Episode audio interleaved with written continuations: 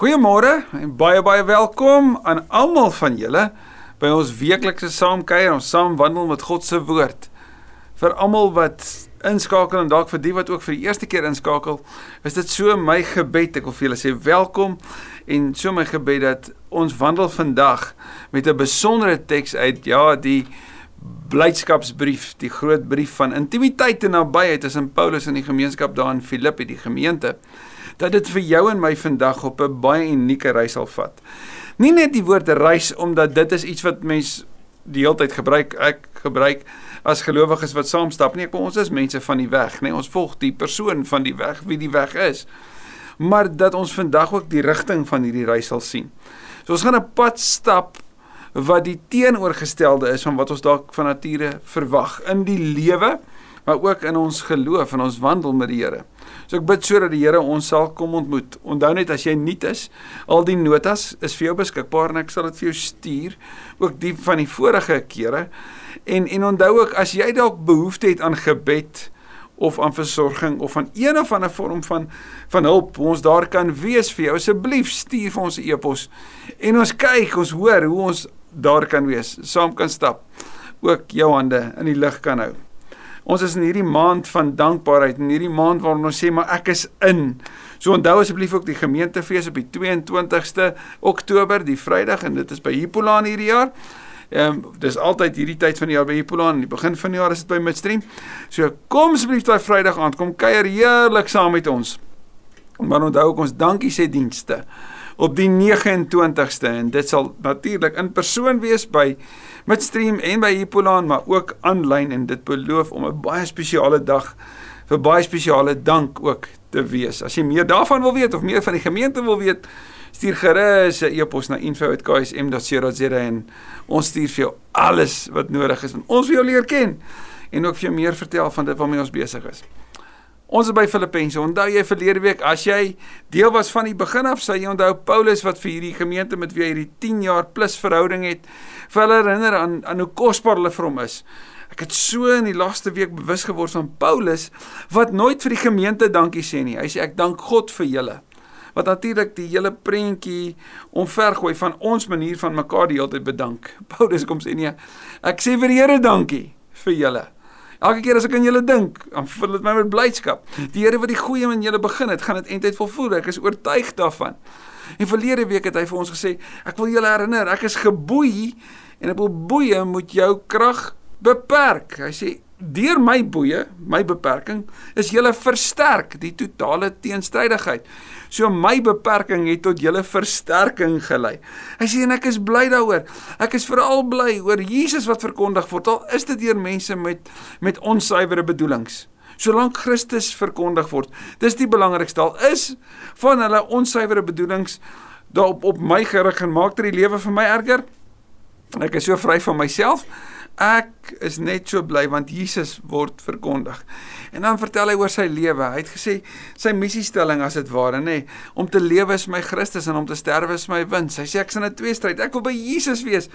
Maar dis goed dat ek by julle is en omdat dit goed is dat ek by julle is, weet ek dat die Here my behoue sal bly vir julle sodat ek julle kan herinner aan hoe bly julle kan wees omdat julle deel is van God se nuwe wêreld. En Paulus hou aan daarmee om hulle daarin te herinner, hy hou aan om ons te help om te sien dat die fokus van die lewe is dat dit nie oor my gaan nie. Dit kan nooit oor my gaan nie, maar hoe kan ek in diens wees van God en in diens wees van ander? En dan eindig hy deur te sê, die Here het aan julle die voorreg gegee om Christus te dien. En dan noem hy twee dinge. Nie alleen deur in hom te glo nie, maar ook om vir hom te ly. En hy sê dieselfde gesindheid moet by julle wees as wat daar in my is en julle deel saam met my dieselfde dieselfde geveg, die twee stryd, naamlik teen hulle wat teen die evangelie is. En julle sien my dit nou nog stry, so julle moet saam met my stry. Nou met dit as agtergrond draai hy die fokus van God en wat hy gedoen het en hoekom ons hom moet volg na hoe ons verhouding teenoor mekaar moet wees. Hoofstuk 1 God eerste, altyd. Jesus, Vader, Seun en Gees, altyd eerste. Hoofstuk 2, wat sê hy oor ons verhoudings met mekaar? Kom ons bid dat die Here ons sal seën ook daarmee. Dankie Here Jesus vir u woord, o lewende woord. Dankie vir die voorreg om vandag te kan bid. Asseblief Here, wees aan die woord. mag ons tyd vandag saam met U so uniek en so spesiaal wees omdat ons nie ooit weer 'n oomblik soos hierdie sal hê nie. Daar's net hierdie oomblik in die geskiedenis, hierdie hierdie sekondes wat aftik. Sal nooit herhaal nie. Dit's net nou. So mag ons so teenwoordig wees ook met ons harte, met ons gedagtes, dat ons sal groei in begrip en fyn aanvoeling en jou Gees van die lewende Jesus. Heilige Gees wat in ons lewens teenwoordig is. Asseblief kom gryp ons harte, ons gedagtes, ja ons lewens aan ook soos ons agter die aanstap vandag spreek ons luister ons Here in Jesus se naam amen amen so Paulus het geëindig met julle stry dieselfde stryd en dan die volgende begin hy met die woorde aangesien en hierdie aangesien is as dit ware 'n gevolg hy sê ek wil nou vir julle 'n saak stel en dan bou hy 'n basis voordat hy 'n appel op hulle maak herinner hy hulle aan alles wat hulle alles wat ek en jy ontvang het en dit klink so aangesien julle die troos, die woord troos daar kan jy vertaal met comfort, nê? Nee? Ware diep troos omgee. Die troos in Christus ondervind het, die aansporing deur die liefde, die gemeenskap deur die Heilige Gees, die innige meegevoel en meelewing, wanneer net al hierdie sterk sterk dele geskenke as dit ware blessings sou die Engelse sê wat jy ontvang het jy het dit reeds ontvang en dit sal ons ook help om wanneer ons 'n bepaalde appel op mekaar maak dat dit altyd sal wees in die konteks van maar onthou wat jy ontvang het. Onthou wie sin jy is. En kyk wat noem hy. Hy sê julle het die troos in Christus ontvang. Julle het dit ondervind, julle het beleef hoe die Here julle aanraak. Julle het beleef dat julle aangespoor word in die liefde. Julle het beleef dat die koinonia, die gemeenskap van die Heilige Gees die saamkuier, die saamwees met die Heilige Gees, dat dit by julle is en julle het die innige meegevoel en meelewing. Die meegevoel is splagna, dis wanneer jou binnekant beweeg. En meelewing kan vertaal word ook met mercy. Julle het dit alles gekry. Maak dan nou my blydskap volkome deur eensgesind te wees, een in liefde, een van hart en een in strewe. Eensgesindheid het 'n het 'n dubbelpunt daarna. Dis asof Paulus kom sê as ons na die net na die na die woorde kyk daar, eensgesindheid het drie komponente. Die eerste is dat ons letterlik een liefde sal hê. Een omgee, natuurlik die liefde van Christus sal 'n goeie vraag wees om te vra is hy die liefde van ons lewe, nê? Nee? Ek dink sommer nou vinnig aan Openbaring 2. Maar die belangrike van een in liefde en hierdie liefde, hierdie agape moet ons aan mekaar bind. Dis die grootste en belangrikste geskenk en gawe sal Paulus sê daar in 1 Korintiërs 13. 2 een van hart en letterlik in die Grieks een gees. Die Heilige Gees wat jou en my aan mekaar bind, maar dat ons ook in ons harte, ons verbintenis aan mekaar, ons verbintenis aan Christus, ons juis eensgesind sal maak en 3 een in strewe. En die woord strewe daar te doen met een oogmerk. So mooi mooi. Ons het een liefde. Ons het een hart hier binne en ons het een fokus. Keep the main thing the main thing het iemand eendag gesê. En as die kerk dit kan hou, die kerk van die Here reg oor die wêreld, dat dit gaan oor Jesus Christus, die Here, dat dit gaan oor sy verheerliking, dat dit gaan oor sy nuwe wêreld wat aanbreek en as ons dit voorhou, dan raak al hierdie ander goed minder belangrik dan raak die suiwere verkondiging van die waarheid van die evangelie. En as ek sê suiwer, dan beteken dit dat Jesus gekom het, dat hy fisies onder ons kom woon het. Hy's gebore, hy het gewoon, hy het fisies gesterf aan die kruis, hy het fisies uit die dood uit opgestaan. Hy het opgevaar na die hemel. Hy het gesê gaan vertel van die wêreld hierdie boodskap dat daar redding net in Christus is. Hy is die weg, die waarheid en die lewe. Sonder hom is daar geen redding nie. En hou daarby moet niks anders die issue maak nie. Dan dan dink ek dat dit ons baie baie help op hierdie selfde rigting te bly want so maklik kan dit oor ander goeters gaan. En daai goed is nie die hoofdoel nie. Vertel vir die mense die goeie nuus, leer hulle van Jesus. Paulus sê dit is hoe ons sy blydskap, dit is hoe hulle sy blydskap volkome kan maak, deur eensgesind te wees, ook in daai wêreld van Rome en in die besonder dan nou van Filippi wat die Romeinse kolonie is. Vers 3: Moet niks uit selfsug of eersug doen nie, maar in nederigheid moet die een die ander hoër ag as homself. So in hoofstuk 1 sê Paulus God eerste. Hoofstuk 2 is dit duidelik ander tweede. So my fokus is eerste op die Here en dan tweedens is dit op ander. En dit gaan dit makliker maak in verhoudings. Dit sal dit altyd makliker maak as dit nie oor my gaan nie, maar oor hoe kan ek daar wees vir ander? En kyk hoe mooi doen hy dit. Hy sê moet niks uit selfsug so met ander woorde selfsugtige begeertes of eersig wat vertaal kan word met goedkoop trots moet niks uit jou trots en wat oor jou gaan en jou goed laat lyk en dat almal weet van jou dat almal weet van jou bydra en en en van van jou storie en hoe wat ook al moet niks daaroor doen nie. Maar in nederigheid en hierdie woord nederigheid sien ons in Jesus se gesindheid. Ek bedoel dat dat hy homself verneder het. Ons gaan dit nou verder sien. Maar in nederigheid en iemand het eendag gesê nederigheid is don't think less of yourself think of yourself less. Nederigheid is om my nie op die voorgrond te hou nie maar om eerder na ander te luister, hulle opinie te hoor en hulle belang te stel eerder as om hulle in die rede te val en vir hulle my opinie wat ek daaroor dink te wil sê. In nederigheid moet die ander moet die een die ander hoor ag en die en die Griekse woord daar hypergo het te doen met om iemand anders van hoër waarde te skat as myself. Kan jy sien hoe draai die evangelie die natuurlike skuif van die mens om homself te wil verhef en te wil handhaaf op na nee, God eerste en ander tweede. Dat ek ander voor myself sal stel, nê? Nee? Hip ergo ehm um, en en en hip ergo, ekskuus. En en die belangrike daarvan om ander belangrik te ag. En dit help my om te onthou dat as ek ander so moet ag, dan help dit my in my taal, in my styl, in my woorde, ook in my tyd om hulle belangriker te ag. En jy kan meer hieroor gaan lees in Romeine 12 vers 3, hoe Paulus daar ook wys dat ons ander eerste moet stel. Julle moenie elkeen aan sy eie belange dink nie sê vers 4, maar ook aan die van ander. Jy sê dit anders kon stel. Julle moenie elkeen net aan sy eie voordeel dink nie. Maar dink ook aan die van ander. En dit maak dit nogals lekker ingewikkeld wanneer dit kom by gesprekke oor my voorkeure. As jy nou dink aan taal, kleredag, musiekstyl, um, atmosfeer. Wat wat moet gebeur by 'n tipiese erediens? Ek dit is een voorbeeld.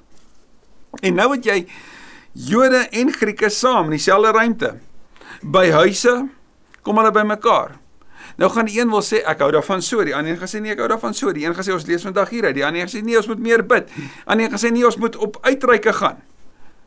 Hoe dit ook al sê, Paulus sê nee, want dit gaan dit bring by verdeling as elkeen homself hoor ag as die ander. As elkeen sy standpunt wil hê.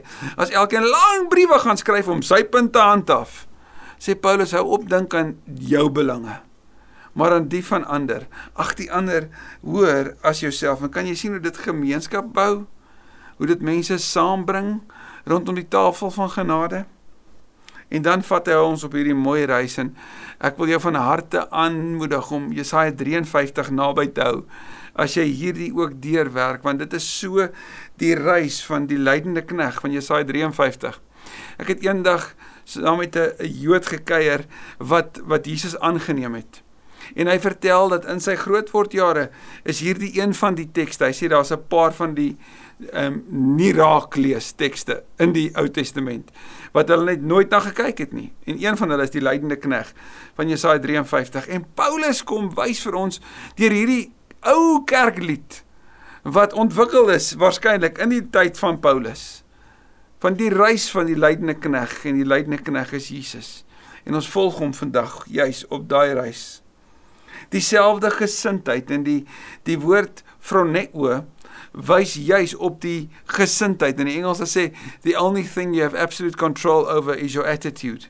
Nou dieselfde gesindheid moet in julle wees wat daar ook in Christus Jesus was. So dieselfde, presies dieselfde. Dis wat julle moet doen. En hier wys hy ons wat?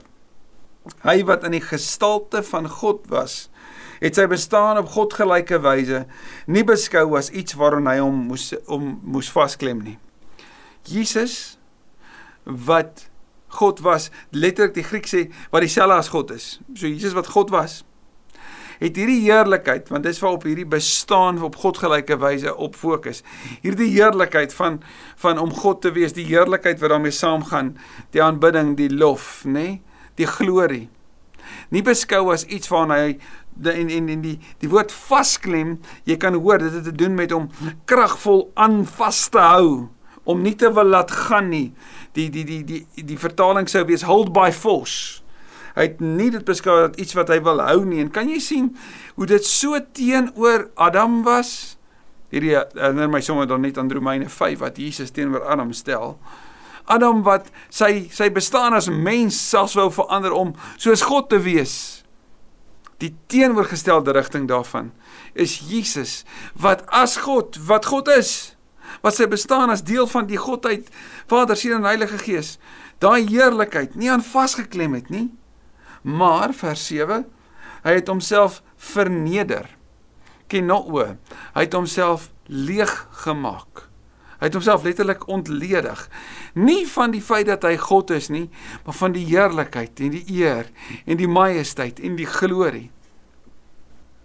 Hy het homself leeg gemaak deur die gestalte. En die woord daar is morfei. Hy het gemof letterlik, nê? Nee? Van 'n slaaf van God na die gestalte van 'n slaaf en dit aan die mens gelyk te word. Nou die die gestalte en gelyk word. Hoor kyk mooi hoe speel Paulus ook hier met die woorde Jesus se bestaan op God gelyke wyse. Jesus se die gestalte van die mens gelyk aan die mens, een soos ons. Sien jy hoe ver is dit van mekaar verwyder en hoeveel liefde daar moes wees vir hierdie roete? Hy het uh, die gestalte van 'n slaaf aangeneem. Dis dis so uniek aan die evangelie. Hierdie lydende Here hierdie nederige Here en hierdie dienende Here. Gaan lees gerus weer Johannes 13, veral vers 14, waar Jesus sê, hy onder al die disippels was hy die een as hulle leier wat die slaaf was. Hy was die een wat gedien het en hulle moet sy voorbeeld volg. En toe as mens verskyn het, het hy homself verder verneder. So die pad vanuit die hemel gaan af en nog af en kyk mooi nog laer. Hy was gehoorsaam tot in die dood, ja die dood aan die kruis. Paulus kom sê dat Jesus se reis was nie opwaarts nie, maar afwaarts. Het jy ooit gehoor van die begrip downward mobility? Dis die storie van die kerk om agter Jesus aan te stap. Ek onthou in matriek het hulle vir ons gesê, "The only way up is down." En dis so waar. Hoe nader jy agter Jesus wil aanstap, hoe meer moet hy word en hoe minder jy sodat daar meer van hom kan wees, want dis die pad. Hy het homself ontledig. Hy het onder ons kom woon. Hy het 'n slaaf geword en dan sterf hy as 'n sondebok aan 'n stauros. Die laagste ding wat sou kon gebeur in die antieke wêreld is dat iemand aan 'n kruis sou sterf. En wie is die laaste twee mense met wie hy gesprek sou hê? Moordenaars. Boewe. Kriminele. Dis met wie hy gemeenskap het. Dis sy laaste gesprekke op aarde. En wat is sy woorde? Vader vergeef hulle. Want hulle weet nie wat hulle doen nie. En gaan lees gerus Jesaja 53 vers 12 hieroor. Daarom en die die woord daarom die Grieks deo is 'n logiese gevolg, 'n logiese uitloop, uitvloei hiervan. Die die woord deo word vertaal as self-evident. Daarom het God en tot en met hier sou jy kon sê mense werk. Jesus het onder ons kom woon. Hy het 'n slaaf geword. Die mense het hom gekruisig. En hy het gesterf. Die onderste punt bereik. Daarom het God en van hier af is dit die werk van God. God het hom verhef en vir hom 'n naam gegee wat bo elke naam is van die laagste laag tot die hoogste hoog. En hierdie naam wat bo elke naam is, sou mense kon vra, maar wat nou van die naam Jesus? Ek bedoel Jesus as redder. Wat van die naam Christus? Ek bedoel Christus as gesalfde. Maar weet jy as jy gaan kyk na die woorde van Jesaja 42 vers 8, dan staan daar dat God sy naam met niemand anders deel nie. Met niemand anders nie.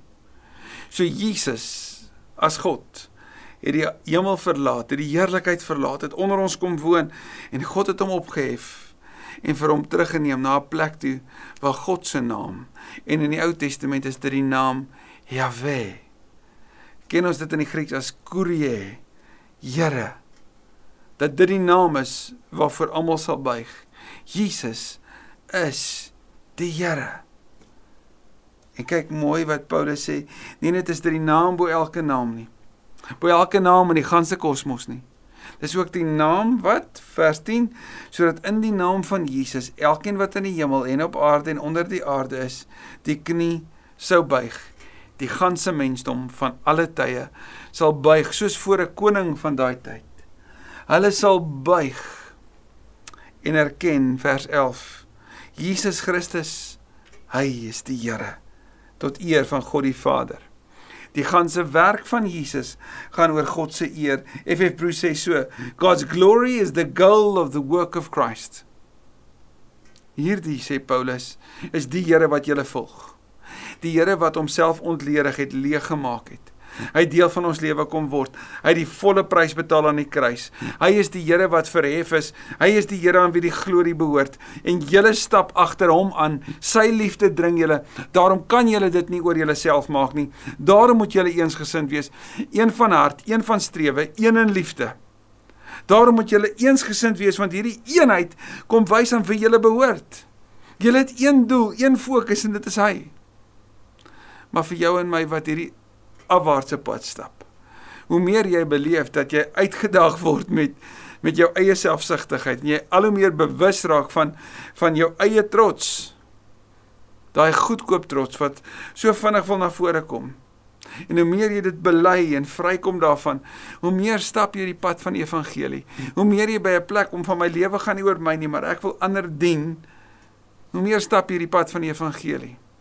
En ook vir jou wag daar 'n einde wag daar 'n einde waar hierdie aarde met sy tydelike belewennisse verruil word met die ewige heerlikheid van die Here wat ons voorgaan.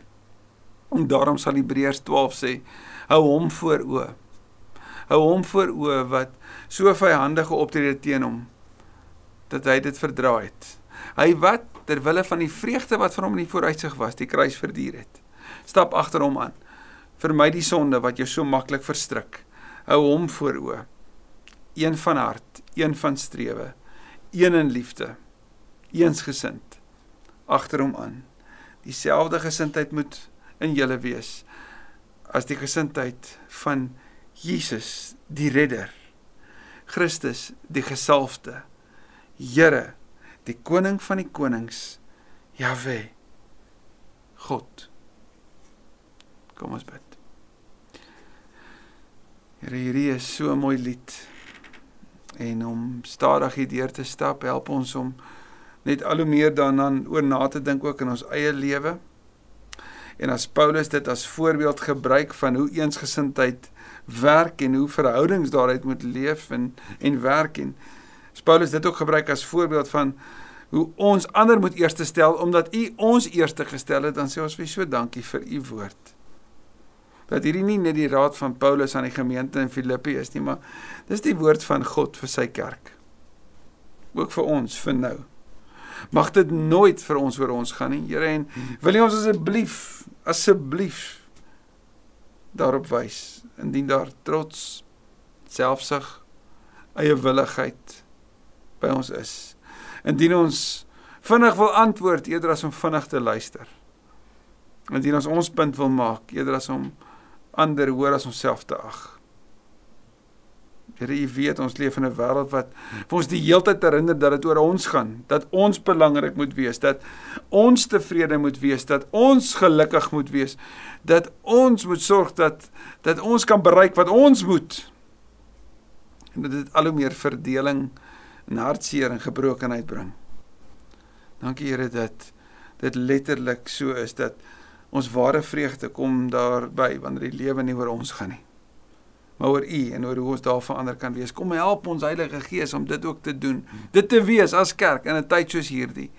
Dankie vir hierdie kosbare lied en vir 'n reis wat ons mee vandag ook kon besig wees. Van die hemel na die aarde van die krib na die kruis na die graf na sondag na hemelvaart, na wederkoms, na belydenis. Jesus is die Here tot eer van God die Vader. Amen. Amen. 'n Baie baie spesiale en mooi dag vir jou.